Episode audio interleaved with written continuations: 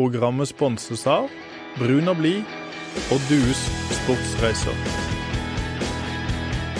Hei og velkommen til uh, fotballradioen. Det nærmer seg seriestart med stormskritt. Ute snør det og er minus 50 grader. Hvordan i all verden skal det her gå, Jesper? Jeg er, jeg er veldig spent. Dette er jo altfor tidlig å spille fotball i Norge. Jeg husker med gru 2016-sesongen.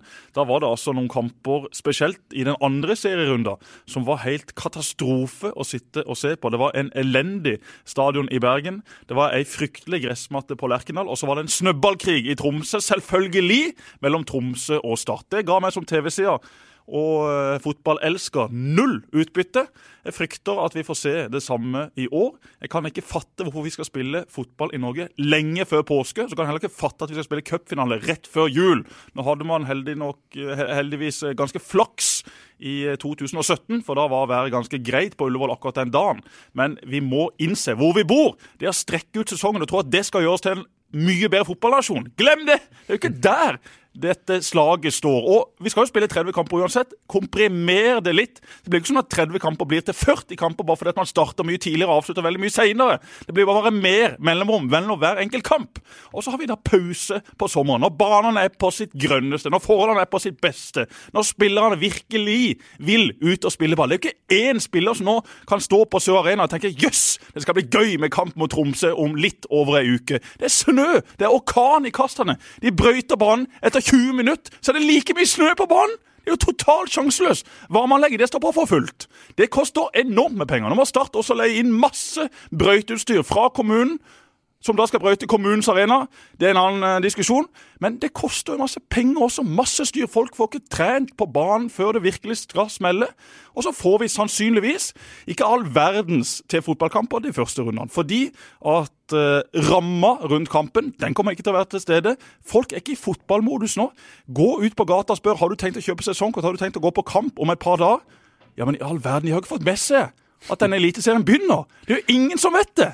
Det er jo ingen som gidder å gå på kamp i minusgrader og sitte der og hutre og betale hundrevis av kroner du kan sitte hjemme og se på TV hos vår gjests kanal. Amund Lutnes er lang en kjest. Han må introdusere først. Kan Velkommen. Du se, kan du se fem mil òg, kanskje, på den Ja, dagen? start? fem mil, og du kan se snowboardkonkurranser. Du kan gå ut, og så kan du ta på deg skøytene, så kan du gå på Trekkjønn, Vollevannet. Du kan nesten gå ut på Byfjorden så langt du bare vil. Nesten gå til Danmark om dagen, altså. Det er så innmari kaldt her. Også Det det bra- blåser sidelengs hele tida. Og så er det bra ironisk at Start skal møte Tromsø i eh, første serierunde. Som vi vanligvis pleier å se sånne forhold oppe i Tromsø som vi nå da forhåpentligvis da ikke får se. Det er jo faktisk en del dager til, så det kan hende det har blitt bedre til det. Men akkurat nå så er det jo helt kaotisk. Og det kommer jo en eh, mesterfinale mellom eh, Rosenborg og Lillestrøm på Åråsen med naturgress som skal spilles bare om noen få dager, og der jobbes det jo på spreng. Så får vi se om det hele tatt blir kamp der. Men de ødelegger vel gresset hvis de skal drive og gampe Ja, og nå? det er jo kanskje et enda viktigere poeng enn de, de poengene jeg var innom i stad. Fordi at ja, det kommer noen kamper på gressbaner i runde to. Og ja, det kan godt være at det går an å gjennomføre den kampen, men så har du så, da, på den banen som kommer til å ligge i ukevis. Vi husker Og også vi vil le jo se et norsk fotballprodukt som er så godt som mulig. Det får vi ikke med disse forholdene, med disse banene, med en seriestart midt på vinteren. Det går ikke. Men jeg gleder meg uansett. Ja, men det var jo ikke det vi skulle si! Jeg, Vi jeg gleder oss meg veldig. uansett. Selvfølgelig. vi, som er vi som er fans, vi eh, gleder oss jo eh, Men en det- normal Kristiansander Mm. OK. Det blir 11. mars, det er minusgrader, det har vært snøstorm, og du er drittlei av skuffa snø hver morgen og hver kveld. Og så da skal du liksom gå på fotballkamp og sitte og fryse på Sparebanken Sør Arena med 1100 andre. Du gidder jo ikke det. Da sitter du hjemme da, så følger du Fotballekstra på TV 2, eller så følger du Amunds eh, kamper på Eurosport. Så er det nesten eh, Første kamp er vel 11. mars, og neste hjemmekamp er, er det 3. april? Eller Ja, og jeg kan jo forstå at dette ble jo planlagt da Norge fortsatt kunne komme seg til et sluttspill. Mm. Så ja, det kan være litt spesielt akkurat i år at man da skulle ha to runder før man skulle ut og spille noen kjempebetydningsløse privatlandskamper. Men hva slags utbytte har man av å spille disse kampene? Det må da for pokker meg gå an å gjøre det på en annen måte. Det må det, Amund. Ja, og det er jo Vi lever i Norge, og sånn er klimaet her. Det er ikke så veldig mye vi egentlig får gjort med det. Sånn, øh, sånn er det bare, og øh, Jeg ser jo det har jo kokt så klart, når det blir noen sånne dager som det har vært nå de siste dagene, så koker det så klart ekstra Nei, det da, i snør jo hele sosiale Europa, medier. så det er litt eh, spesielle tilstander. Det var til og med på Wembley i går. Det var til og med på Wembley i går, så måtte mye måke. Ja. Og vi har jo ikke aldri noen løsninger i fotballradioen. Vi bare dundrer løs, og så må noen andre legge kabalen. Og det er det samme i dag. Det er jo ikke, det er ikke vår oppgave. Nei, det er ikke vår oppgave. Men Så kommer det et VM der òg, da. Et VM også som klusser litt til. Det kommer jo et VM nå i sommer òg som klusser til eh, terminlista litt òg. Ja, men det skjønner jeg heller ikke, for Eliteserien spiller jo under første halvdel av mesterskapet. Så Start har jo hjemmekamp samtidig som en eh, kvartfinale i eh, Eller kanskje er det åttendedelsfinale i, eh, Og da er jo valget enkelt. i, i fotball-VM. Og da er jo valget kjempeenkelt. Ja, Da går man på startkamp. Ja, jeg har venta så lenge på sesongen nå. Selv om, det, selv om vi for så vidt avslutta sesongen veldig seint i fjor, da, med cupfinale rundt, eh, rundt julaften, så syns jeg det Jeg synes det tar så lang tid med alle disse treningskampene. Jeg prøver å motivere meg masse for treningskamper og syns det er spennende, men det er noe med det derre når det byttes 700 stykk i det 50. minutt, så eh, jeg Selv du mister er lei av treningskamper. Ja, jeg Hvor faktisk mange nå treningskamper har du kommentert i år? i år så har det faktisk ikke vært så, så altfor mye, men jeg har lest så mange referater fra Obos-lag og eliteserielag. med- Det det vi Så skal og så mange bytter. her hos oss Det er det. i dag. Og for de som ikke har hørt Amund i studio før, så er det Amund en kar fra Moss. Som bor i flotte snøfylte Kristiansand. Han kommenterer også i år for eh, Eurosport, for eh, TV Norge, den gjengen der. Og så er du også innom og bidrar på Radio Sør innimellom her nede i Kristiansand. Eller Metro Sør, som det heter nå. Metro Sør har du bytta navn Ja. til. Beklager. Ja, vi er inne og hjelper Glenn eh, Thomas Bonnesen, som så klart er kommentator. Vi snakker jo veldig mye start, og det er jo så spennende. Jeg har jo sittet og jobba med alle troppene til de, i de to øverste divisjonene nå, og jeg har aldri opplevd en lignende sesongoppkjøring sånn som med Start nå, med så mange signeringer, så mange spennende spillere, og ikke minst så ekstremt mye googling av spillere som jeg aldri har hørt om før, som blir trukket opp av eh, hatten. Endelig nå da, så kom det en spiller jeg virkelig hadde hørt om, da, han Aron, eh, eh, Sigurdarsson. Og da Slapp du å google han. slapp, slapp Jeg måtte google han igjen, så klart, da, men eh, det var for en spiller jeg hadde, hadde hørt om, og det er jo så mye spennende i Start. Og jeg har sittet og Skal vi, prøvd å begynne, drodle skal vi begynne der? For å struktur, vi må Ja, så kan vi ha litt. med alt om Obos-ligaen også. Så vi. skal ta en liten statusrapport på Obos og Eliteserien i dag. Så skal vi tippe Eliteserien neste uke. Og jeg er litt forbanna i dag, litt ilta, og det er fordi at jeg for et par timer siden, halv ett i natt, tapte en ny tenniskamp mot Ole Martin Aasen. I femte sett tapte jeg 9-7. Jeg hadde matchballer, jeg hadde full kontroll. Jeg skulle bare være overlegen og slå noen slag som ikke verden har sett før. Og så kommer da verdens tøffeste kjendis, Ole Martin Aas, tilbake igjen i kampen. Skriker og hoier og jubler for hvert forbanna poeng. Og så vant han til slutt. 9-7. 00.25 var klokka da. Et blytungt nederlag. Og jeg har fått meldinger i natt og i dag morges fra Ole som spør hvordan det går. Han hoverer sånn over de seirene sine, altså. Gratulerer til Tromsø og Ole Martin Aast. Og så får vi håpe at uh, Tromsø må reise hjem uten poeng. Ole kommer snart i Da. Det har han lovt. ja, når uh, Tromsø kommer til Kristiansand neste søndag. Men Amund, vi må begynne med det vi syns er mest eh, interessant, som du var innom. Start sin eh, stall. Folk har begynt å tippe rundt omkring. Folk tar kontakt med meg og spør hva jeg tenker om Start. Garantert også eh, Jesper. Jeg svarer at det er fryktelig vanskelig. Litt fordi eh, på grunn av de tinga du er Mm. er inne på. En haug med ubeskrevne blad, og de har på en måte ikke fått vist seg ordentlig sesongoppkjøringa, eller? Det er jo ingen som eller i hvert fall eh, de som har klart å bli veldig overbevist om at Start kommer til å bli et knallgodt fotballag i 2018 i løpet av de treningskampene her. Han har lett veldig godt, i hvert fall. For eh, jeg har klødd meg i huet etter en del av eh, kampene, sånn som f.eks. etter 0-0 mot Ålesund på Marbella og 1-0-tapet mot Glimt. Man drar hjem fra Marbella i løpet av 108 minutter spilletid og ikke skårer et eh, eneste mål. Og Da begynner jeg å klø meg litt i huet. Hvor kommer dette her Og ennå, jeg har egentlig i ganske lang tid tenkt tiende til tolvteplass. Har jeg tenkt oppi hodet mitt eh, angående start. Og det er veldig mye på grunn av at eh, jeg veit jo ikke om disse her nye blir gode med en gang, da. Jeg tenker sånn som Når jeg leser intervjuer og alt mulig, noen statistikk f.eks. på han Kevin Cabran, da, som jeg personlig har satt inn på fantasy-laget mitt, så klart. Jeg tror han kommer til å, kommer til å levere, men jeg veit jo ikke, da. Tror du, Jesper, du er jo, vi skal si det igjen, litt inhabil når det gjelder eh, Start, som gammel spiller og tett på både ledelse og, og eiere. Er det er Start så sikre som det de eh, utgir seg for eh, å være når det gjelder kvaliteten på denne stallen? At dette går? Jeg tror det er usikkerhet der også, på hvordan eh, dette kommer til å gå i ei relativt lett sesongåpning. Det er tøffe lag for all del, men man slipper iallfall de store kanonene de tre første rundene. Det blir viktig å få en bra åpning der, for da kan man bygge videre på den i et nytt mannskap som, ja, har mye gode fotballspillere, men det å få de til å fungere med en gang gang. Det er ikke alltid så lett. Og det som gjør meg mest usikker, var jo det jeg så i Marbella. For der var det veldig, veldig svakt, syns jeg. Mm. Mot Ålesund så mente man vel at man burde vunnet den kampen greit. Jeg syns det var en veldig svak fotballkamp. Og så eh, var det det samme i kampen etter.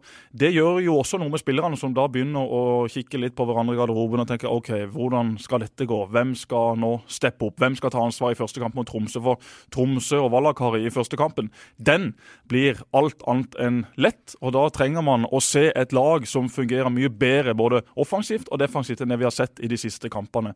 Så har jo Sigurdarsson kommet inn. Mm. Nå har man da Sigurdarsson, Kabran, Børufsen Daniel Aase, alle eh, disse kan bekle en venstrekantrolle, mm. men det er vel tenkt at Sigurdarsson skal ta den høyre, mm. mens uh, Kabran skal spille på venstre. Og så må jo også Espen Børresen spille i dette mannskapet, syns jeg. Så det blir spennende å se. Kanskje kan Kabran bli dytta opp som spiss i noen kamper, når kampbildet tilsier det. Mm. Så det er en del usikkerhetsmomenter rundt selve elveren også. Dempsey har vært litt uheldig med tanke på noen skader i denne oppkjøringa, som har gjort at han egentlig ikke enda har stilt med mm. sine elleve beste. Det har vært eh, veldig mye rotasjon i mannskapet, veldig mange som har fått prøvd seg. En del som har vist at de har eh, tatt opp hansken. Simon Larsen mm. var svak i Obos-ligaen i fjor. Han har vært uh, relativt bra i vinter. Han er Dempsey og co. veldig godt fornøyd med. Derfor ble han også gjort til kaptein denne sesongen uh, slik som han var i fjor. Så ja, det er usikkerhet både hos meg og hos dere. og i Start, tror jeg. Mm. Og det er da en grunn. For det er såpass jevnt. Altså mm. 10. til 12. plass. Ja, jeg er helt enig med Amund at der tror jeg også Start kommer til å ende. Men det er veldig få poeng som eh, skiller fra da en nedrykksstrid, og så er det veldig få poeng som skiller fra å komme uh, topp seks. Det er det. det jeg har snakka med en del journalister rundt omkring, og veldig mange er jo egentlig enige om at det er så mange jevne lag. Mm. Det er så mange jevne tropper rundt omkring i Norge. Jeg kan se for meg Rosenborg kommer bare til å seile sin egen sjø og vinne Eliteserien i 2018. Hvis ikke Molde f.eks. gir de litt kamp. Det har, det har, jeg litt, det har jeg litt uh... De har jo mista sin beste spiller. Det har de absolutt, og det er jo et, eh, et, stort tap. Men så har de noen av Norges mest eh, spennende spillere. Veldig mye ungt, selvfølgelig, men både Thomas Amang, mm. Tobias Svendsen, ikke minst Erling Braut Haaland. Eh, hvis de på en måte får gang på noen av disse ungguttene som holder et eh, meget høyt nivå, så, så, tror jeg det blir veldig spennende med Molde. Men kanskje, kanskje noen trenger litt mer eh, tid. Men de to lagene som Rosenborg skiller seg kanskje ut som en klar nummer én, og Molde ja. som en klar uh, nummer to. I hvert fall i mitt uh, hode. Og så har vi sånn Strømsgodset uh... Strømsgodset òg ligger nok i den røkla rett bak de to laga der. Jeg er veldig spent på hva Tor Ole Skullerud faller ned på, med både Mos og Markus Pedersen eh, som eh, to soleklare kandidater til å starte. Kanskje han benker en av de to på i, eh, i serieåpning. Mange som, jo, ser det spekuleres i Markus Pedersen til, til, start. Hadde det vært noe, Jesper? Har fått en, en sånn en, type hvis han faller utenfor i godset? Ja, klart Markus Pedersen hadde vært en gøyal spiller i Start. Det er en eh, spiss som har levert mål i norsk fotball i en årrekke. Hatt et par sesonger, kanskje spesielt i Brann, som ikke var all verdens, mm. men på Marienlyst. Der har han alltid levert varene. Jeg tror ikke Markus Pedersen kommer til Start. Jeg tror han blir en viktig del av Strømsgodset i 2018. Når du har Pedersen og Moss i stallen din, så bør du jo finne plass til begge. Samtidig så var jo Strømsgodset fantastiske i fjor, da med én spiss. Og hvis du da skal begynne å legge om formasjonen, så går det mm. utover Girardi, det går utover Ulland Andersen. Mm. Kanskje det som var dine aller største styrker. Så skulle du ha en kabal å legge der Moss og Pedersen er jo begge målsniker i boksen. De kommer til å skåre masse mål også denne sesongen. Eh, men Han har vel bare spilt med én en, av ferdigheter. gangen i vinter, har han ikke det?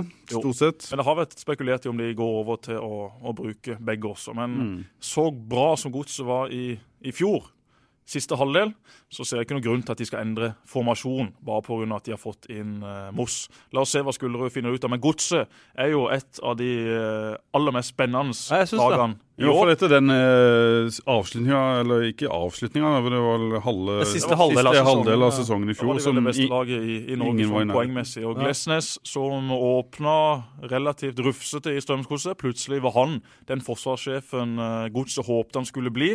En utrolig spennende midtstopper som, hvis han fortsetter å spille på det nivået i år, ikke kan være så veldig langt unna en uh, tropp hos Lagerbäck. Så har de Gerardi Amund, som er jo, uh, i hvert fall i mine øyne, en fantastisk god eh, fotballspiller. Veldig, veldig god som eh, etter å ha blitt sendt på lån til Lillestrøm vel, i 2016, plutselig var tilbake i eh, Strømsgodset igjen og var helt fantastisk i fjor. var jo god i Lillestrøm, han fikk Ja. vel et løft der.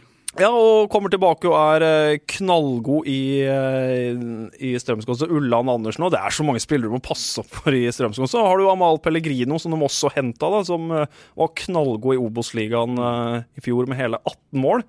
Var det det langt ifra å være eh, toppskåreren i eh, Obos-ligaen eh, Obos-ligaen i fjor? Men Strømsgodset er absolutt et lag som man skal, skal passe seg for. Men jeg tenker òg, når man har en så jevn tropp som det der, så betyr jo det at det er ganske mange spillere som, er, som tenker i sitt hode at de er førstevalg, som må sitte på benken, og kanskje til og med noen kamper sitte på tribunen med at man- er utafor troppen. Og Det er òg litt det, det jeg tenker i start òg, da. Det er jo ganske mange spillere i, i A-troppen til start, og da tenker jeg på sånn Hva tenker Dempsey om rulleringer på laget? De har vel fortsatt ikke en stall der de kan uh, rullere altfor mye uten at det, det svekker kvaliteten på laget. I hvert fall i, i, i mine øyne. Du har jo kanskje 14-15 da, som, som uh... Det har jo vært enkelt å se i treningskampene. Ja, at Så fort du har uh, to-tre fravær, så Mm. svekkes kvaliteten på laget. Mm. Det er ikke sånn at man har holdt på å si, to jevn gode elver i start heller. Det er jo nesten ingen lag i Eliteserien som har det. Kanskje Sarpsborg er det nærmeste vi kommer, for Ja. de har en så bred og, og, og god Men samtidig er det uttalt at de skal ha dobbel eh, dekning, og de nærmer seg jo dobbel dekning da, hvis du eh, regner Henrik Ropstad som et midtstopperalternativ og putter inn Erlend Segberg og litt sånne ting, så, så kan du jo regne hjem eh, kanskje dobbel dekning, men kvalitetsmessig så er de vel et under et Jo, men det blir som du har eh, dobbel dekning på å komme deg til butikken, og så går bilen i stykker, og så tar du ut sykkelen av garasjen. Ja. Ja, Det er noe annet å ha to Ferrarier stående i garasjen, slik Rosenborg, Molde, Godset, Sarpsborg har i veldig mange flere posisjoner. Nå skal jeg ikke sammenligne Erlend Segberg med en sykkel, det var ikke det som var poenget mitt, men uh, du tar uh, eksempelet. Rosenborg, for eksempel, hva skal de gjøre? De har Alexander Søderlund og Niklas Bentner. Og Mathias Williamson til sommeren. Som- Jeg, jeg har jo spådd eh, før at eh, jeg tror han er startspiller eh, kanskje sommeren eh, 2018. Fra og med sommeren eh, 2018. Hvis Og Bentner dro jo ikke til Kina. Og, Nei, det gjorde han ikke. eh, Han eh, viser jo der at han har lyst til å komme seg til VM med Danmark. Og eh, det syns jeg vi må applaudere. Ja, det er og ha Bentner her i Ja. en halv sesong Ja. Han har Fikk en telefon med på treningsfeltet her i, var det i går eller i, i Ja, forgårs. men Det kan jo godt være at det bare var noe tull fra Ja. Kåre Ingebrigtsen og co. At de skulle spille media et puss. Han eh, snakka nok ikke med noen kinesere på den telefonen. Kanskje var det agenten hans som sa enten at eh, nå kan du velge, eller at dette ble ikke noe av. Mm. Det å ha Bentner her i en halv sesong til, i alle fall, det er gledelig. Og så er jo jeg stor fan av Søderlund også. Han har fått masse kritikk opp igjennom for å bomme på mye sjanser, men altså, sist han var i Rosenborg, så hamra han inn mål. Han kommer seg til så mye sjanser. Og det som er så undervurdert med han, er jobben han gjør for kollektivet i Rosenborg. I presspillet. I måten han binder opp forsvaret på, som gjør at indreløperne til Rosenborg og kantene kan få mye bedre arbeidsforhold. Der syns jo han eh, der synes jeg han har eh, en sterkere side enn Bentner sånn totalt sett i alt det han bidrar til laget med, både offensivt og defensivt. Selv om Bentner selvfølgelig på sitt beste er en heidundrende fantastisk god fotballspiller i norsk målestokk. Så veldig sprek ut på eh, i Marbella nå, Amund. Du kommenterte jo eh, en Rosenborg-kamp eh, der nede hvor han kommer inn og skårer egentlig et veldig fint mål. Ja, det syns han så veldig fin ut, ja. Og det må jo skape litt hodebry for, for, øh, for Kåre. det. Jeg vet ikke om han faktisk skal, skal bruke begge to. Ja. Det gjenstår å se når sesongen begynner. Men jeg tenker jo at Rosenborg tenker jo litt framover i tid der, at det går mot uh, sommeren. Bentner kommer kanskje mest sannsynlig inn i VM-troppen til Danmark, og kanskje finner på å stikke etter sommeren. Og da har man jo Søderlund. Da har man allerede den spissen signert. Kanskje Søderlund trenger, trenger et, eh, et, halvår nå etter mye Han har kanskje ikke spilt så mye, men han har jo en eh, kropp som kanskje heller ikke tåler altfor mange kamper lenger.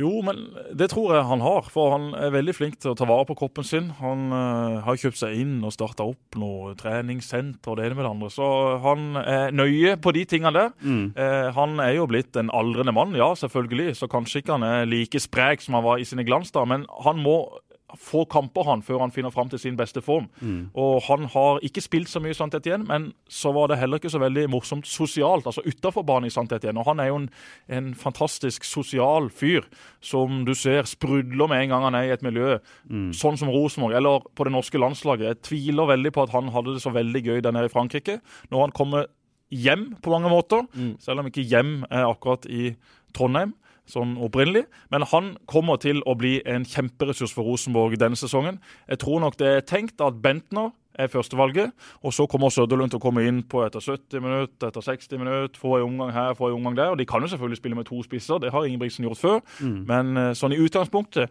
så går ikke Ingebrigtsen vekk fra den formasjonen han heller, som fungerte så bra i fjor. Hvem skal skåre målene for Start? Vi får ta litt innom de andre lagene, så får vi gå tilbake. Ja, sånn freestyling her nå, Jørgensen. Ja. Jeg sitter jo med Jeg sitter med sånn veldig usikker, usikker følelse om om Flåke skal begynne å banke inn mål i Eliteserien. Altså jeg jeg syns han, han, gjorde en del bra etter han kom i fjor sommer eh, inn i, eh, inn i Start. Skåra noen fine mål og sånn, men eh, jeg er veldig spent på om eh, han, eh, han bikker eh, ti mål i år. Da. Han er avhengig av service, det er vi enige om, Jesper. At hvis Start får et grunnspill til å funke og kommer til mye innlegg, så er Floke en god mann å ha. Det er min tanke om det. Og så er det kanskje ikke da han først og fremst det handler om, men med laget. om han ja, klarer å skåre. Det må være mange spillere som bidrar med, med mål for Start i år. Skal, skal, dette gå så bra som alle på Sørlandet håper. Floki er fantastisk god i lufta, syns jeg. Mm, han får disse innleggene. Ja. Når han blir fora, så har han en enorm styrke og ikke minst teknikk. For mange av de målene han skårer på, på hodet, er vanskelig teknisk å utføre. Han har mm. sin store styrke der så har han også vist at han har uh, fysikk. Han har blitt bedre feilvendt, men har samtidig en del ting å gå på. Og mm. Start har vært på jakt etter bakomspiss. Eh, det tror jeg jo de kan ha i stallen sin nå. Hvis Kaban f.eks. blir flytta opp som spiss i enkelte kamper, så har han mm. spilt en del spiss før. Han kan spille spiss også i Dempsey sitt system. Han er veldig rask. Han er veldig rask, har en fantastisk uh, fot og har også god fotballforståelse. Så han styrker kroppen, det har vi jo sett. Det har vi sett. Og det var jo også noe av ideen, vil jeg tro, med å hente inn Sigurdarsson. At da frigjør man Kabran, som da kan mm. bidra som en, som en toppspiss. Og når du da har Kabran, og du har uh, vår islandske venn Floki, så uh, men Floki er du relativt godt uh, dekka, syns jeg. Det, Floki ser jo litt sånn tung ut, men en ser jo òg i spillet til Floki at han stadig vekk stikker i, i bakrom. Og veldig mange mål hans er faktisk skåra både på Island og i, i Start. Vi så det mot Haugesund, at han stikker i, i bakrom. Jeg så han trua veldig mye bakrom uten å få ballen nå sist mot både Glimt og ja, den eh, kampen mot Glimt på, på Marbella, så han har jo litt av det spillet òg. Ja, men nøkkelen ligger jo der at han må bli spilt god. Og øh, jeg syns den mest spennende spilleren i start i år er Kevin Cabral. Det er han jeg gleder meg mest til å se. Det er jo noe med en, når du hører òg da, en, eh, en teknisk kantspiller som skal levere målpoeng. Det er jo akkurat det som er kjempespennende. Men jeg tenker også veldig på da, hva blir liksom rollen til Espen Børhusen i år? Det en spiller som har vært eh, bankers på laget i så mange år nå. Det virker kanskje akkurat nå som, en, eh, som er i en backup-situasjon på flere jeg, posisjoner. Jeg syns det var synd at han ikke fikk det ordentlig til i den indreløperrollen mot, uh, mot Glimt. For jeg tror Start har hatt veldig godt av å ha han der, uh, særlig de første kampene. Jeg tror det blir for tynt med Aremu, Tjom, eh, Tobias Christensen, Kabran og Sigurdarsson. Da tror jeg de mangler et eller annet i de to øverste leddene der, sammen med, med Floki, som handler om lederegenskaper og litt eh, styrke og litt eh, kraft. Jeg tror det fort eh, blir for lett. Så det savner jeg veldig i, i laget. spille, han, Ja. han må spille den første kampen. Ja, det Jeg tror jeg han kommer til Ja. å være et fast innslag i Dempsey sin elver. Hvor han kommer til å spille sånn nøyaktig, det gjenstår å se. Men så viktig er han for det laget. Børsen ingen fantastisk fotballspiller hver eneste kamp, men du vet også at han leverer full innsats. Han leverer mål. Han vil levere målgivende Jeg er helt enig. Og så en ting til med Børresen som jeg ser nå, som jeg kanskje ikke har sett så tydelig tidligere. Monsia Mjelde kom inn og sa til Rolf Daniel Vikstøl og Børresen at nå er dere ledere i denne gruppa. Så var det på, tok de på en måte ikke det ansvaret. Jeg tror ikke ingen av de er de typene i utgangspunktet, selv om begge to er fornuftige, og så er det ikke de som snakker høyest. Men nå syns jeg Børresen tydelig har vist i vinter at, eh, at han er blitt litt eldre, at han tar det ansvaret. Bruker eh, mye munn, holdt jeg på å si, og gir tydelig beskjed til de andre. Det liker jeg veldig. Det har jeg Man må snakke høyt for å komme gjennom alt det Ja. skjegget han har anlagt. Det er jo altså et Men litt- fryktelig skjegg. Men eh, det liker jeg. eh, Ja, enig. enig. eh, Børresen har vist i vinter at han virkelig vil være med på Mm. dette. her. Men når vi snakker om spisser som skal levere mål Hvis vi ser på de andre klubbene i Eliteserien, da. Mm. Ja, hvem har de som skal levere så himla mye mål? Det er jo ikke så ufattelig mange gode spisser som bare sier OK, han der han kommer til å skåre 10-15 mål. Han der kommer til å skåre 10-15 mål. Ja, det finnes et par. så Men det finnes det- ikke så veldig mange. Brann henta Henrik Kjelsrud Johansen i går. Og nå Mm. syns jeg han har fått urettferdig mye kritikk i sosiale medier. For han er ikke så dårlig som veldig mange skal ha det til. Han var god for Vålerenga i fjor. Mm. Han kommer til å levere mål også for Brann i Bergen. Men de har altså Kjelsrud Johansen og Skålevik. Hadde du bytta de to mot Floki og Kabran? Mm. Nei, du hadde jo ikke det. Nei, antageligvis Nei, det er litt- ikke. ja, det er litt ja. Kunne miksa, miksa de. Men uh, det som er fordelen med Kjelsrud, er jo Lars Anne Nilsen og hans uh, spillestil. da. Han kommer til å bli, bli gå inn på det laget. han- etterpå. Det er jo en spiller som Lars Arne Nilsen elsker, da. En Ja. så hardtarbeidende spiss som det, som, er, som uh, tar defensive løp. Altså, det er jo en spiller etter hans, øh, Vi hans. så i høstsesongen i fjor at han har kvaliteter, særlig inne i boks. Han er jo uh, ja, galeste spissen i Eliteserien, men, Men det- sånn kvalitetsmessig så er det jo ikke Nei, men Se på. Jakob Orlov, da. Ja. Han var jo ingen god fotballspiller. Men det han gjorde for Brann, var fantastisk. Mm. Da Brann var gode, så var Jakob Olof en veldig viktig grunn til at Brann faktisk var gode. For den jobben han la ned, og så viktig han var for at Lars Arne Nilsen sitt system skulle fungere så bra som det gjorde, Mm. den var helt enorm. Men vi har noen garantister, da. Men vi kan jo OK, Bentner er en god spiss. OI er en god spiss, eh, åpenbart. Kanskje de to sånn eh, sikreste korta, hvis en ser på hva som er gjort eh, tidligere. Men hvem er de nye spissene som, eh, som kommer til å, å slå til, da? Hvem blir eh, Jeg er jo kjempespent på Kristian Fardal Opseth i uh, Bodø-Glimt, som har egentlig fått en sånn skreddersydd rolle for han. da, For jeg tror han er en sånn spydspiss i 4-3-3 som skal avslutte angrepa til, uh, til Bodø-Glimt, istedenfor sånn, som fjor. ja, sånn som han var helt ekstrem i fjor og skåra 28 mål i Du var eh, kritisk til han før sesongen i fjor, eh, Jesper. Ja, jeg trodde Lars Jørgen Salvesen skulle bli toppskårer i, i Obos-ligaen i fjor. Eh, det tror jeg nok ikke han hadde blitt, selv om han ikke hadde røket kneet sitt eh, helt i starten. Den eh, sesongen Oppsett leverte i fjor, var outstanding. Mm. Eh, jeg tviler på at han eh, kommer til å herje på noe som helst vis i Eliteserien. Ja, han kommer til å skåre mål, men, Men det er vel litt sånn det kommer an på Glimt. ja, det kommer an på Glimt. Men, Men Glimt kommer Glimt til å frem, ligge lavt i ekstremt mange kamper. De kommer til å kontre. Eh, Oppsett eh, er i likhet med Floki en spiss som er best når han blir fora med Mm. masse innlegg. Og Glimt eh, styrte ikke så mange kamper i fjor heller, for de er glad i å ligge lavt og vente. Men de kom iallfall til masse innlegg. De skapte masse sjanser. De kommer ikke til å skape like mye sjanser denne sesongen.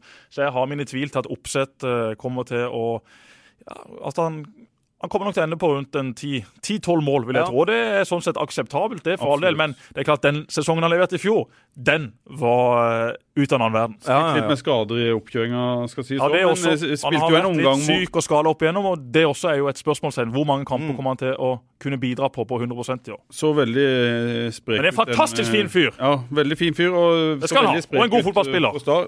Men eh, Glimt er jo eh, Ja, kan de bli overraskelseslaget. Et lag som er så suveren i Obos-ligaen.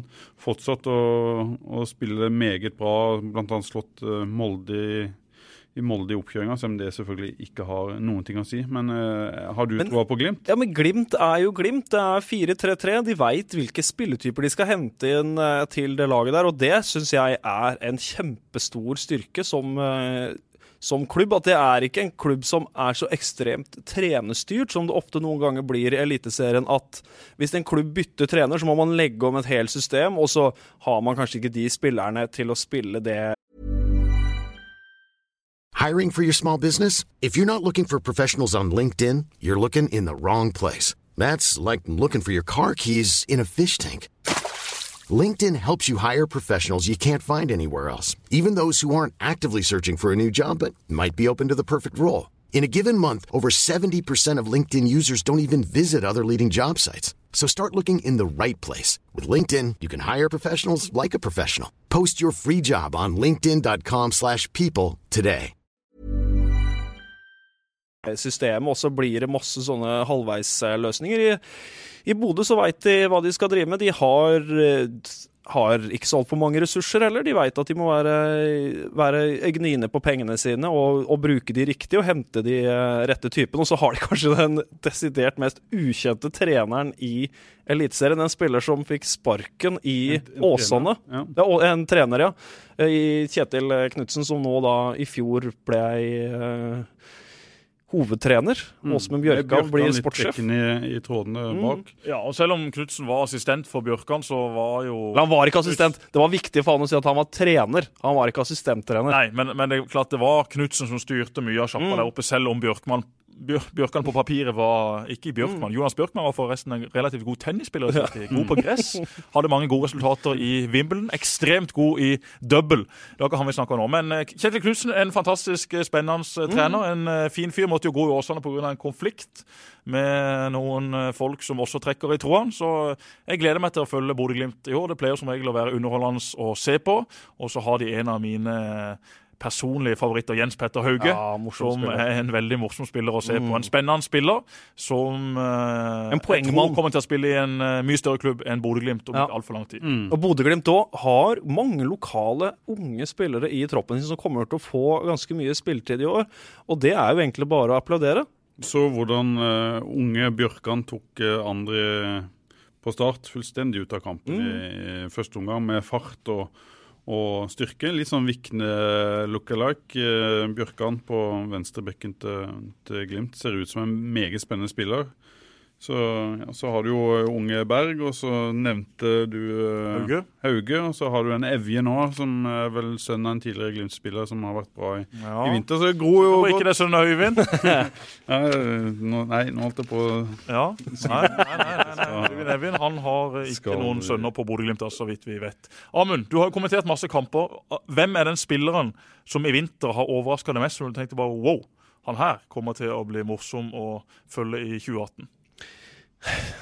Jeg faller egentlig ned på Kevin Cabran da. Altså. Jeg gjør det. Jeg gleder meg, jeg gleder meg så mye til å, til å se han. Men hvis du må plukke en annen enn Kevin Cabran, da. Han har vært god i ti minutter, Amund. Ja, nei, men det er, jeg ja, men det innlegget til Flok i Sørlandshallen ja, det, er det, det, det, det, er det jeg husker. Ja, han, jeg syns han har vært altfor ujevnt å gi han en sånn eh, karakteristikk. Ja, hvem, eh, hvem, er det som du som har sett i vinter? Du var nede på Ima Beia. Den beste spilleren jeg har sett, uh, Tobias Svendsen på Ja, det så jeg du skrev i år. Du hadde sett talentlista uten han på, og det var du sterkt uenig i? Ja, altså, veldig sterkt uenig i det. Jeg syns han ser ut som Norges svar på Eden Hazar akkurat nå. Han, jeg tror han blir en fantastisk uh, fotballspiller. Og så er det tidlig selvfølgelig ennå å si noe sånn, men ja, jeg tror han får det store Molde har mye spennende spillere. Så har så lavt tyngdepunkt, har ekstremt høy toppfart, har uh, teknikk, og nå har han i tillegg sikkert lagt på seg ja, i hvert fall fem kilo fra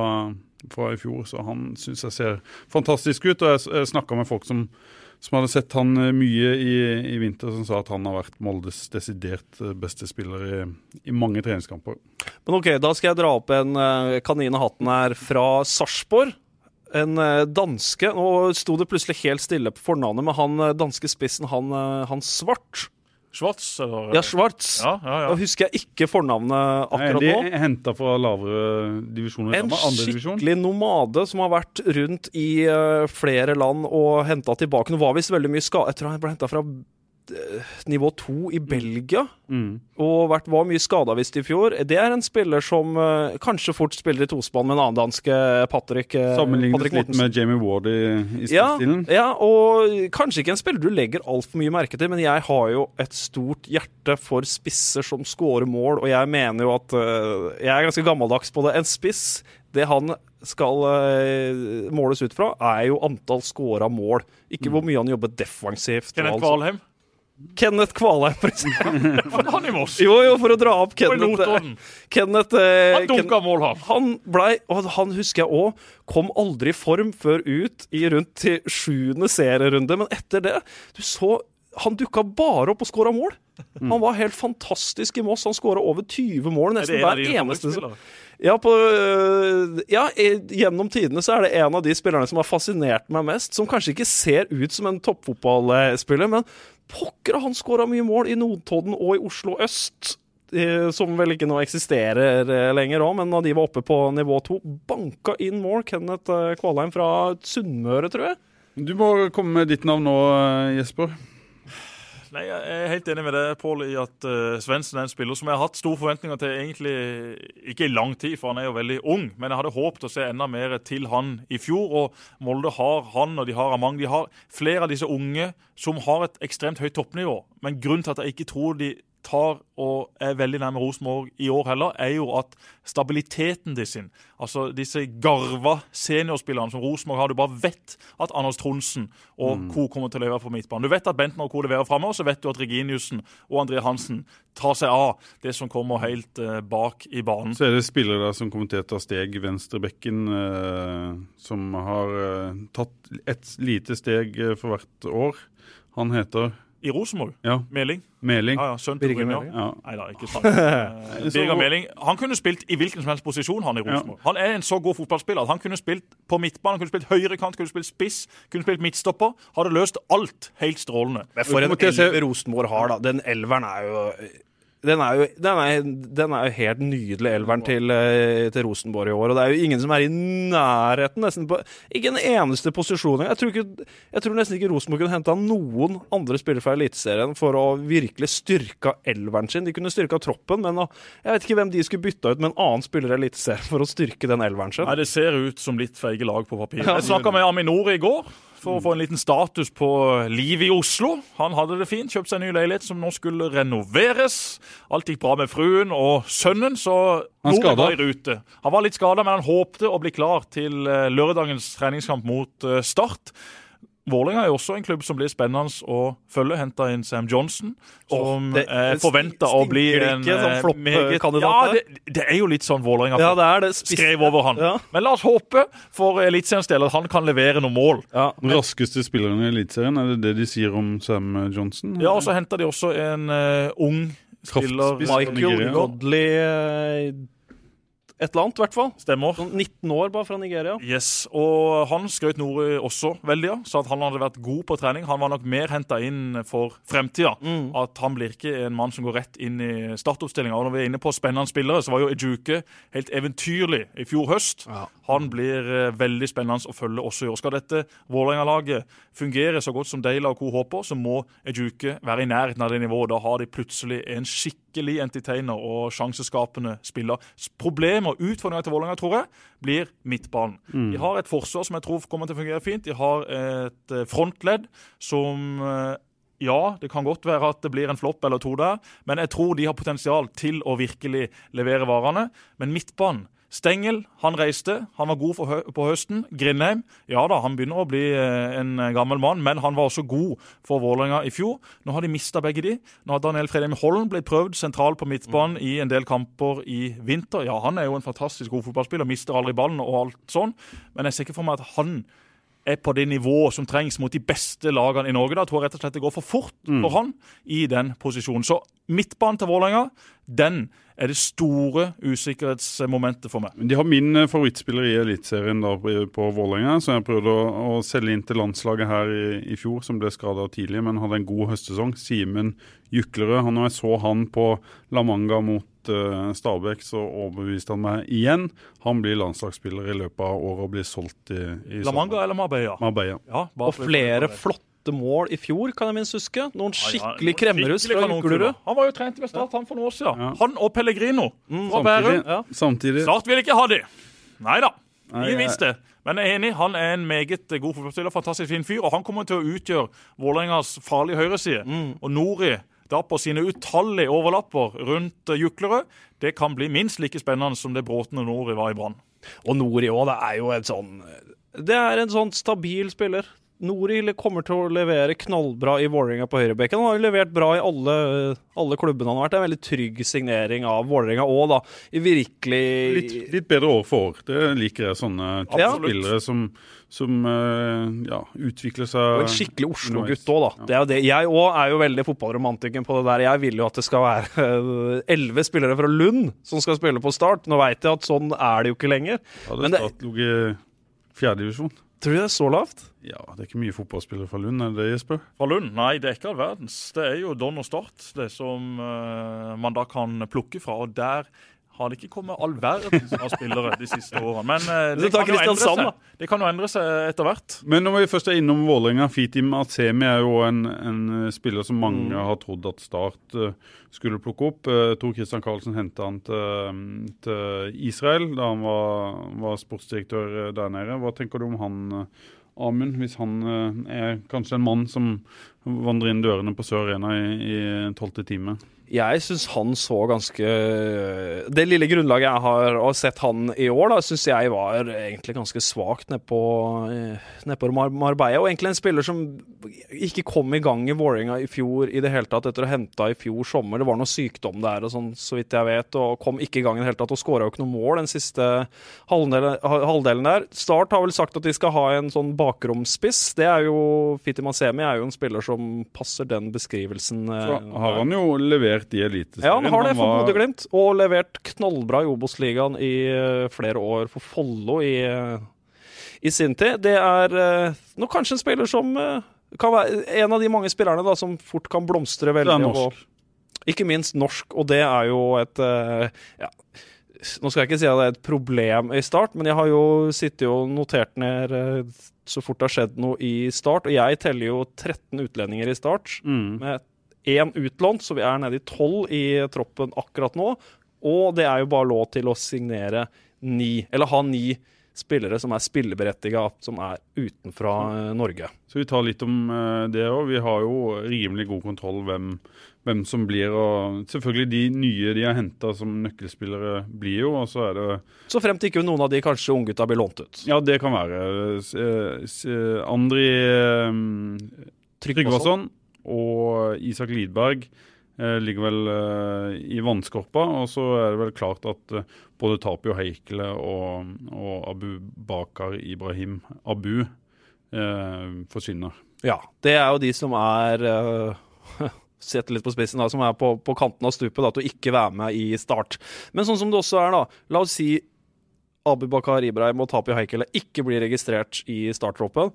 Obos-ligaen begynner litt seinere. De har muligheten til å samle opp litt av de spillerne som eliteserieklubbene finner ut at dette her er kanskje andre- eller tredjevalget vårt Ja. på de utvalgte posisjonene, og da dukker opp uh, muligheter. Men så så er jo ikke Start lenger en, en situasjon der de må, pga. økonomien, kvitte seg med spillere. At det da blir mer opp til spillerne sjøl. At de etter hvert finner ut at her har jeg en du fremtid. Hvis du har vært en av disse spillerne, da, og du vet at OK, jeg kan bli i Start og sitte på tribunen hele år, og du er 27-28 år, 25 år altså, Det er klart Du må jo komme deg til en, en klubb der du kan spille fotball. Helt enig, Jesper, men så er det noen fotballspillere som ikke klarer å tenke så rasjonelt som det du eh, legger det frem der. Som tenker at uh, jeg er god, eh, jeg er mer enn god nok for å spille fotball på dette laget. Jeg kommer til, jeg kommer til å spille meg meg du vil om tre måneder, men du er ikke inne i, i, Nei, i Da må du jo finne en eh, ny klubb, en ny klubb. selvfølgelig. Og så er det økonom, økonomi òg oppi i dette. Vi vet at f.eks. afrikanere er veldig ofte opptatt av å kunne sende penger hjem. og de Selvfølgelig, da men det finnes jo løsninger som uh, f.eks. er at ja, man går til en Obos-klubb, og så sier Obos-klubben ja, vi kan ta så og så mye av lønna. Ok, ja, men Da må Start ta resten. Og Da sparer Start penger på det. Spilleren får spille, Obos-ligaen får en bra spiller, og så er alle happy. Men Abu kan jo ikke være vanskelig å, å, å skippe til en eh, Obos-ligaklubb. Amund har vi vist en, eh, mer enn nok i vinter. Få få en eh, høyre kantspiller som kan skape masse ubalanse. Det er en spiller som uh, kunne gått inn i tror jeg, de fleste Obos-ligaklubbene og vært en veldig fin ressurs der. Nå var jo han ganske uheldig i fjor også, da, når det var noe papirkrøll, at ikke han kom ordentlig i gang med sesongen og fikk en sånn plutselig så var han spiss og litt på kanten der. og Nå var det det i podkasten som jeg var på med Mark Dempsey, som vel eh, sa ganske greit ifra at Ibrahim er ikke en starter Mm. i start. Han kommer ikke til å være i startelveren. Men så er det litt det vi har sett ned på Marbella og sånn. Det er jo en livlig gutt de, da på de høyresida der. opptatt som er av an analyse Nå har ikke jeg analysert startkampen i vinter, men jeg er helt sikker på at hvis du har analysert startkampen i vinter, så er det ingen som har skapt eh, flere sjanser for klubben enn det Abu har gjort. Og jeg er helt enig, Han har vært outstanding i deler av disse Mm. kampene i vinter. Han passerer en mann, han løper forbi, han kommer i finte som ingen har sett før. Mm. Og så kommer innlegget, eller avslutninga, og så bare OK. Det er jo det som er hovedproblemet Mm. hans. Altså sluttproduktet. Men kan man få løst det? Jeg vet ikke om det er mulig. Det er nok en vanskelig oppgave. Men at han kan bidra i Obos-ligaen, og at han også kunne bidratt for Start i år, tror jeg, Mm. det er soleklart. Han har noe veldig spennende med seg. Det blir nok ikke Start, men jeg håper virkelig at uh, en annen klubb i Norge får brukt for hans ferdigheter. For han er en strålende gutt, en god fotballspiller, men som mangler litt av det aller viktigste. Dessverre. Mm. Så kanskje det kan komme, eller er det sånn som eh, en må liksom ha med seg inn i voksenfotballen? Eller kan han lære det? Skuddteknikk, er- innleggsteknikk Han er ikke og 19 år. oversikt. Vi har vært innom dette før, dette på skuddteknikk og, og de tingene der. Det er seint å lære seg det når du egentlig er et ferdig produkt. Du kan bli bedre trent. Du kan uh, være en spiller som får litt bedre forståelse, men akkurat den teknikken du har, den har du som regel lagt til deg. Den er veldig vanskelig å lære seg til noe helt annet. Og så er det jo eh, er det jo dette med Abu at han eh, Hva jeg skulle si nå? Glemte jeg det. Ja. at Det var nok ikke så viktig. Nei, det, det, det, var ikke, det var ikke så viktig. Eh, hvem rykker ned, Amund? Fra Eliteserien så rykker eh, Ranheim kommer til å sjarmere veldig mange rundt omkring i Norge. En bitte liten bydelsklubb som jeg for eh, første gang var oppe og kommenterte kamp eh, mot slutten av sesongen i fjor, i kvaliken. Bare trøndere. Det er jo et sånt hva skal jeg si, sånn miniatyr Atletic Bilbao i Norge som jeg syns er veldig kult. Det er så få annerledesklubber i Norge. Ranheim er en skikkelig annerledesklubb som har rykka opp til Eliteserien fordi de fortjener det. Men de kan jo gjøre som eh, Mjøndalen, holde seg et år i Eliteserien. Det er fullt mulig, det, vel? Ja da, det er mulig. Men jeg tror ikke det kommer til å skje. Jeg tror Ranheim kommer til å dundre rett ned i Obos-ligaen. En fantastisk flink trener. En nydelig klubb, som Amund sier, med masse gode fotballspillere. Eh, Litt samme følelsen som eh, med Florø. Da de rykket opp til Obos. Og de gjorde det jo kjempebra i Obos-ligaen. Iallfall eh, store deler av sesongen før det slukna litt etter hvert. Men Ranheim kommer til å få det tøft. Og det tror jeg de lever helt fint med. De vet at det kommer til å bli tøft. Dette er en kjempeopplevelse for Ranheim. De har bevart de samme spillerne. De har fått litt mer bredde i stallen. De kommer til å gjøre det på akkurat samme måte. De kommer til å prøve å angripe, de kommer til å spille i sitt system. Jeg gleder meg til å følge Ranheim, men jeg tror nok ikke kvaliteten på de gutta i den stallen er god nok til at de blir en del av Eliteserien i 2019. Men den elveren til Ranheim er faktisk ikke, ikke, ikke halvgæren, den. Altså, de har en del fine spillere. De har et, eh, en veldig solid keeper i Even Barley, som det har vært masse Meget interesse fra i Eliteserien. De har en spiller som de har henta inn nå, Andreas eh, Helmersen, som plutselig kan slå ut i full blomst i eh, Ranheim, som skal være da Og midtspissen. som spurte Alexander Lund Hansen om en gang. Og dette er for halvannet to år siden. Han har dessverre hatt noen kjempealvorlige kneskader, men Lund Hansen sa jeg har aldri i min Rosenborg-karriere sett en mer lovende spiller. Og Jeg har det samme aldri sett- Mathias Williamson og Ja, jeg har aldri sett en bedre spiss i boksen på den alderen. Altså, Han var helt outstanding på trening. Det er jo fryktelig synd at disse skadene har kommet. La oss håpe at han sine knær fungerer godt, Mm. og at han kan uh, få vist hva han faktisk har uh, i seg. For da har Ranheim og ikke minst Rosenborg en kjempespennende Så har de Mats Reginussen, da, som er klubbens kaptein. som er jo Han er en også er jo veldig god, eliteseriespiller. eh, Det har han vært i mange veldig år, mange egentlig. Så de kampene Ranheim spilte i fjor eh, De var jo en litt naive til tider og, sleit eh, kanskje defensivt, men offensivt. Grunnspillet, måten de tok Ålesund på i, i, de, Det var Ålesund de tok i kvalik, var det det? Det var Sogndal. Det var Sogndal de tok over to eh, kvalikkamper. Mm. Klart bedre enn Mm. en Sogndal, med trygt, etablert spill, masse gode, gode ballspillere. Det overraska meg, da. Og de har et bedre lag i år enn de hadde i fjor. De har også henta inn f.eks. Erik Tønne, da, som har spilt eliteserie for Sandnes Ulf og Bodø-Glimt. Veldig fin venstrefot. De har jo evig unge Øyvind Storflor, som er en eh, veldig fin mann å ha på eh, Eggen Rismark som Ja. stopper. Som også har vært interesse fra i Eliteserien. Vært i hvert fall Tromsø har vært eh, vært litt på der. Daniel Kvande, som han har med seg. Veldig fin høyre back-type i Aslak von Witre. Og det er jo, alle her er jo trøndere. Mm.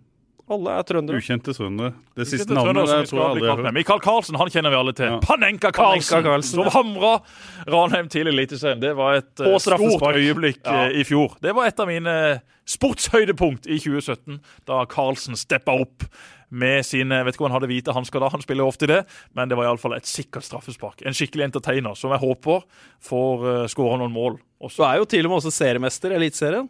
Det er han. For Rosenborg Det er mer enn noen av oss kan skimte med. Ja. Og så er det jo Sandefjord, da, som kanskje er det andre laget folk dømmer nord og, og ned. Et trenerbytte har tydeligvis eh, fått uh, vann på mølla der. At uh, når de kvitter seg med Bohinen, så Nei, da går, går Sandefjord ned. Er det så enkelt som det? Nei, det er det ikke. Det er virkelig ikke det. Men uh, hvis man skal velge ut noen av de klubbene i Eliteserien sånn man skal sette på nedrykksplass, så virker det akkurat nå som det Men blir en ikke litt sånn- blenda av liksom, hva som har skjedd i vinter da, Jesper? Jo, man gjør det. og Samme var det jo med Sandefjord i 2017. Da trodde jeg også de skulle eh, Mm. slite big time. Men de klarte seg egentlig eh, veldig veldig bra. Og selv om eh, Bohin er borte, så har de fortsatt Geir Ludvig Fevang Ja da. på benken. Han lurer ikke Sist sett med en iPad ute i Sørlandshallen, hvor han viste diverse taktikkerier. Jeg så han under et, så et, han under et tre i Marbella òg. Du gjorde det, ja? Ja, kampen Typisk mellom Fevang å sette seg under et tre. Litt sånn i skyggen, gode forhold. Kristiansund Krasnodar, da sto han under tre og, og sveida. Ja. Kristiansund som for øvrig så meget eh, bra ut, syns jeg. Men det, det, Stokke, det med bli, bli, han blir, Stokke blir. han har vært ekstremt god i vinter. Tatt nye steg.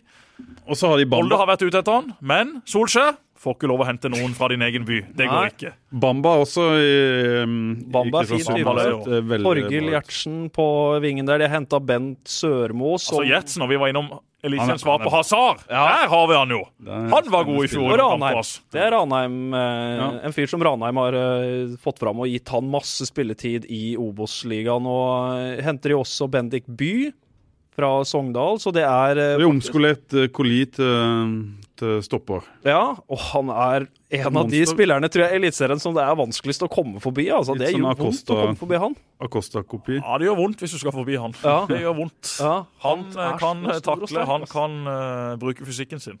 Og det er jo litt den eh, kjerneverdien til Kristiansund, og som det har vært i alle år. Kanskje litt sånn utad, litt sånn traus klubb, men det er en hardtarbeidende klubb som jobb, alle jobber for alle, og alle veit at dette her skal ikke være en gjeng med feinschmeckere. De skal ta nok poeng til å overleve Eliteserien, noe jeg tror de faktisk gjør. Vi må gå litt videre. Jesper, du skal straks overta et uh, hus. Ja, det skal jeg om eh, 13 minutter. Ja, Så det begynner å vi, haste. vi skal si litt om Obos-ligaen før du Ja, uh, Men det som vi også skal si, er jo at Obos-ligaen begynner jo ikke enda. Så Lutnes skal jo tilbake sammen med Roger Risholt, som Amund var besøkt i går, for de forbereder seg. De to skal vi ha inn i studio, og da skal vi tippe Obos-ligaen. Og så skal vi få en full gjennomgang like før seriestart. Så alle dere Jerv-fans, slapp av. Dere får masse Jerv-stoff om ikke altfor lang tid. Vi sier, sier litt om Jerv likevel, uh, Amund, siden vi har mange lyttere fra Sørlandet. Eh, hvor er Jerv i Obos-bildet? Jeg tenker de er midt i røkla. Midt på tabellen et eller annet eh, sted. Hadde jo en grusom sesong i eh, fjor. Kom jo eh, virkelig ned på beina etter, etter å ha vært i to playoff-finaler uh, før den tid. Tapt mot Start og Stabæk. Så var det jo egentlig Det var jo en del snakk om at faktisk dette her kunne ende med nedrykk i fjor. De var helt nede i sumpa der.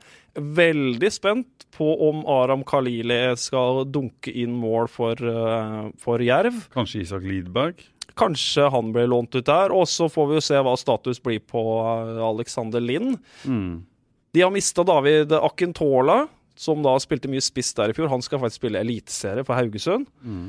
Og de har henta en Luke Ferreira, en eh, amerikansk-brasilianer, kantspiller. Kant. Ja, og da virker det som de tre øverste plassene er sikra. Jeg syns det er en god trio på midten med Mathias Wickman, Andreas Hagen og Thomas Sernikov. Det syns jeg er en eh, fin trio på midten der. Absolutt. Har forskjellige ferdigheter. Mm.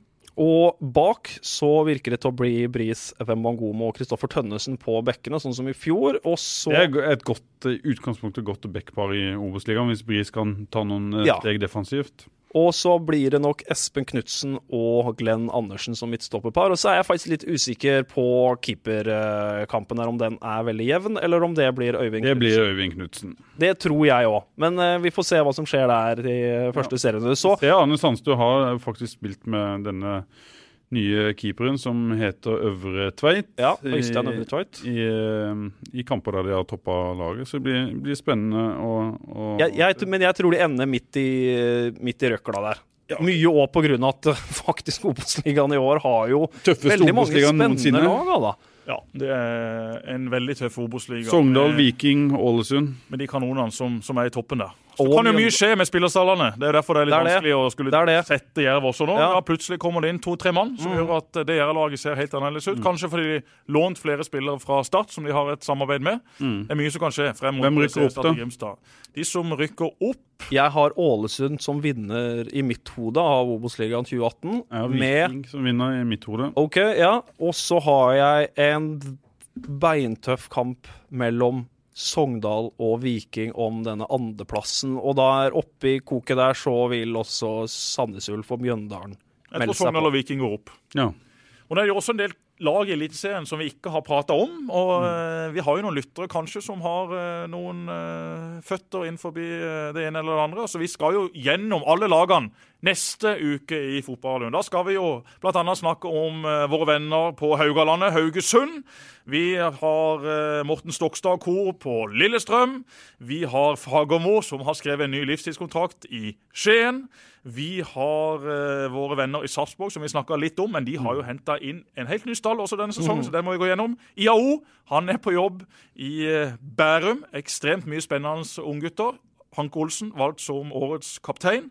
Ola Brynildsen er jo et eh, spennende navn som vi Vi skal snakke om da. ekstremt mye spennende spillere borte i eh, Bærum for tida. Og så da Tromsø, som vi vel var litt innom. Mm. Mye morsomt å snakke om. Men vi får eh, si at uh, du får løpe og, og kjøpe hus, eh, Jesper, og så Og så ser jeg at Ayer har prøvd å ringe meg på Facebook, og hvis vi ikke snakker om han i podkastene, så blir han enormt gretten. Men da vi skal vi si noe han om Ayer. Han leverer, altså. Han, leverer om med pannebånd i forrige kamp. Med pannebånd, fikse et lite skrubbsår i panna, og da løp han ut til fysioterapeuten og spurte kan jeg få den største madrasjen du har, slik at jeg kan få tatt utallige bilder til sosiale medier, og ikke minst norske aviser, etter kampen. Ja, jeg er så tøff, jeg spiller med pannebånd i Skottland. Men han, men han har virkelig spilt seg inn på laget Ja, i Celtic, det har og det er er med Kristoffer Det er så I en så stor klubb. Brand Rogers som trener 60 000 på hjemmekampene. Nå spilte han borte mot Zenit i Europaligaen. Ja, det ble et tap, men tenk for en erfaring! For Var han god? Han var ikke fullt så god som han har vært i mange kamper, men han var også i den kampen en av Celtics aller beste spillere. Så han kommer godt fra det i de fleste kampene han spiller om dagen. Han kommer egentlig greit fra de fleste.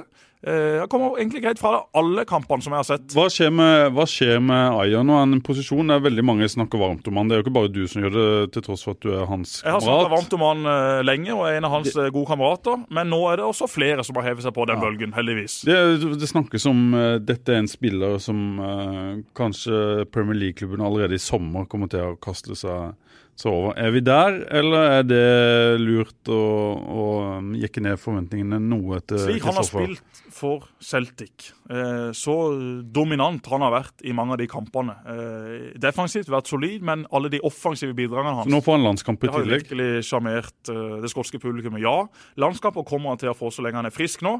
Han blir garantert tatt ut i denne troppen som skal møte Albania og Australia i mars. Og får vel Han kanskje spille òg. Han blir sett på Norges feteste TV-kanal, TV2. Ikke han de gutta der, som du kalte uh, TV Ikke der. Ikke de gutta der. Men dette er da TV 2.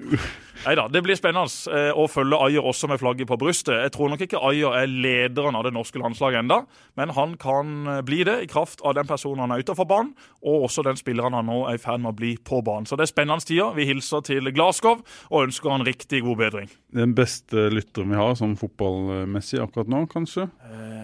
Jeg traff Kristoffer Haraldseid på, eh, Ja. i Marbella. Han eh, hørte på oss, en spennende back, men han er vel ikke, spiller ikke på samme nivå Haraldseid som har en mye bedre høyrefot enn uh, Ayer. Han eh, har vel også eh, en eh, mye bedre fotballforståelse enn Ayer. Ayer har egentlig ikke så Jo da, Ayer har mye. Han har det. Harald Seid, god høyrefot. Vi gleder oss til Harald Seid også i år i Eliteserien, og vi gleder oss til Ayer i eh, den skotske ligaen, med flagget på brystet etter hvert for Norge, og kanskje i en enda større klubb eh, Det har vært gøy. i eh, Det har vært veldig gøy. løpet av ikke altfor lang tid.